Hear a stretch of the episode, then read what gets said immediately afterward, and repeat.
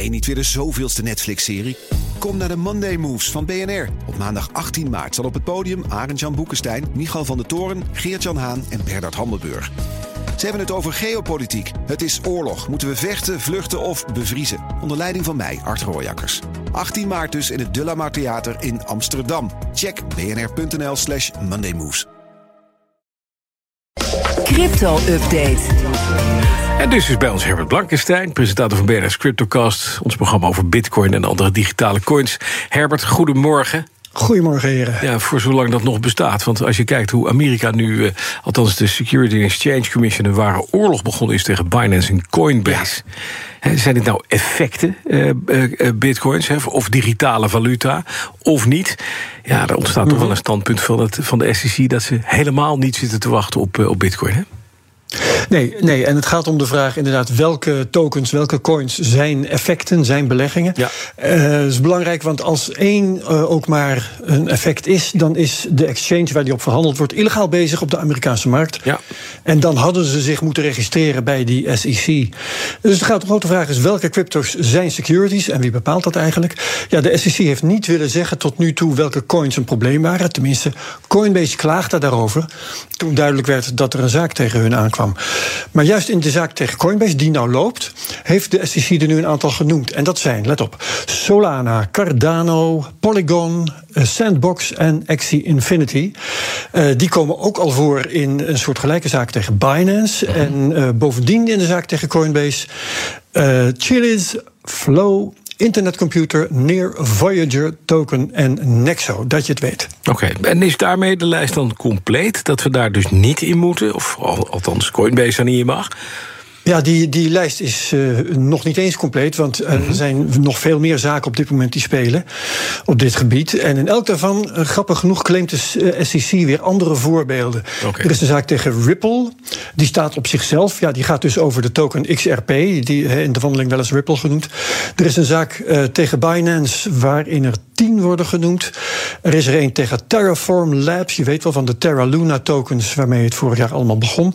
Waarin 16 coins worden genoemd. En Cointelegraph, de crypto news site, die komt als die alles bij, bij elkaar optelt tot 67 kandidaten. Wat is daar nou verder bijzonder aan? Bitcoin wordt nooit genoemd.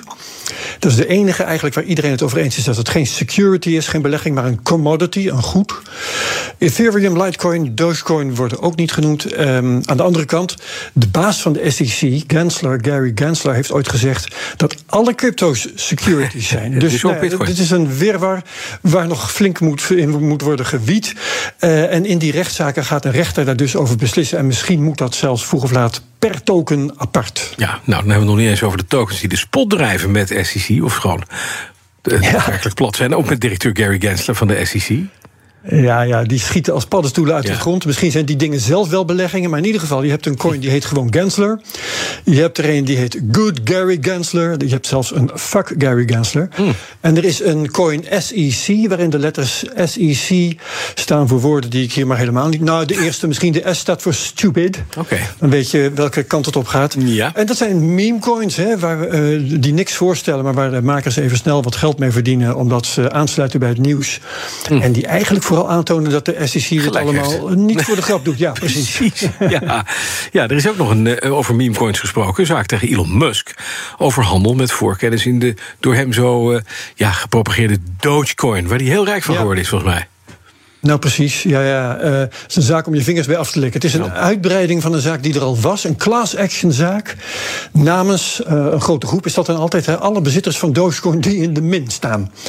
Eh, en in die zaak was al geklaagd dat Dogecoin een piramidespel is. En dat Musk de markt manipuleerde. Wat niet allebei kan volgens mij, want dat piramidespel is juist geen markt. Ja.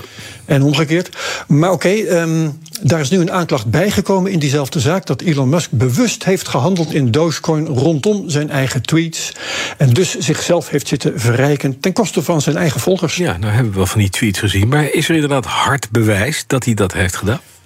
Er is bewijsmateriaal. Oké. Ehm, kijk, Doge- Dogecoin heeft ook een blockchain, die is openbaar, kun je alle transacties gewoon op zien. En eh, één, die, eh, één wallet op die blockchain had op een gegeven moment. Let op, 25 miljard dollar aan Doge. Dat was de grootste wallet ter wereld. Zo. Diezelfde wallet heeft in de loop van de tijd zo'n 10 miljard aan winst geboekt. Nou, uh, ja, je weet, niet iedereen heeft 25 miljard. Maar Elon Musk dus wel. En diezelfde wallet die koopt diverse keren een bedrag van, ook weer even goed luisteren, 28,06 1971 doos. Hmm. En dat is precies de geboortedatum van Elon Musk. 28,0671, oké. Ja, ja, ja. En uh, dat bedrag dat uh, gaat daaroverheen, net als Musk twittert, dat hij Doge voor zijn zoon heeft gekocht. Musk twittert op een gegeven moment dat hij doneert aan een goed doel. Een van die wallets die doet dat op dezelfde dag. En op een dag dat niemand anders Doge naar dat goede doel overmaakte. Op die manier maken ze in die zaak dit allemaal heel aannemelijk. Aannemelijk zeg ik met nadruk, maar of de rechter dat soort aanwijzingen uh, zal zien als bewijs beyond all reasonable doubt, zoals dat in Amerika moet. En dat Musk dus zichzelf illegaal heeft verrijkt, ja, dat moet nog maar blijken. Ja. Dan in de CryptoCast deze week. Wat, over wie heb je, Herbert? Weer even gewone dingen. Um, we hebben Martijn Jeroen van der Linden. Hij is lector New Finance aan de Haagse Hogeschool. Betrokken bij een project van Follow the Money. Eh, de ontrafeling van ons geldstelsel. Dat is een heel mooi project. Er hoort een grafische voorstelling bij van datzelfde geldstelsel. Waarin ze geld voorstellen als water dat door een landschap stroomt. En dat daarbij mensen in beweging zet. En Martijn die gebruikt het allemaal om te laten zien hoe ongelijkheid ontstaat. Waarom het systeem zo makkelijk instabiel wordt. En hoe je tot een eh, rechtvaardiger stelsel kunt komen. Hmm. Daar eh, is crypto niet per se voor nodig, maar dat komt bij ons natuurlijk toch wel even aan de orde. Natuurlijk. Dankjewel. Herbert Blankenstein. Alle afleveringen van de CryptoCast te horen via de BNR-app, bnr.nl of de podcast van jouw keuze. De crypto-update wordt mede mogelijk gemaakt door Bits, de bitcoin-spaardienst van Bitonic. Je hebt aardig wat vermogen opgebouwd. En daar zit je dan, met je ton op de bank. Wel een beetje saai, hè? Wil jij, als belegger, onderdeel zijn van het verleden of van de toekomst? Bridgefund is een slimme fintech die een brug slaat tussen de financiële behoeften van ondernemers en van beleggers. Dus wie belegt bij Bridgefund krijgt niet alleen een mooie vaste rente, maar brengt ook ondernemers in beweging. Echt waar, met die ton kan je zoveel betere dingen doen. Bridgefund. Make money smile.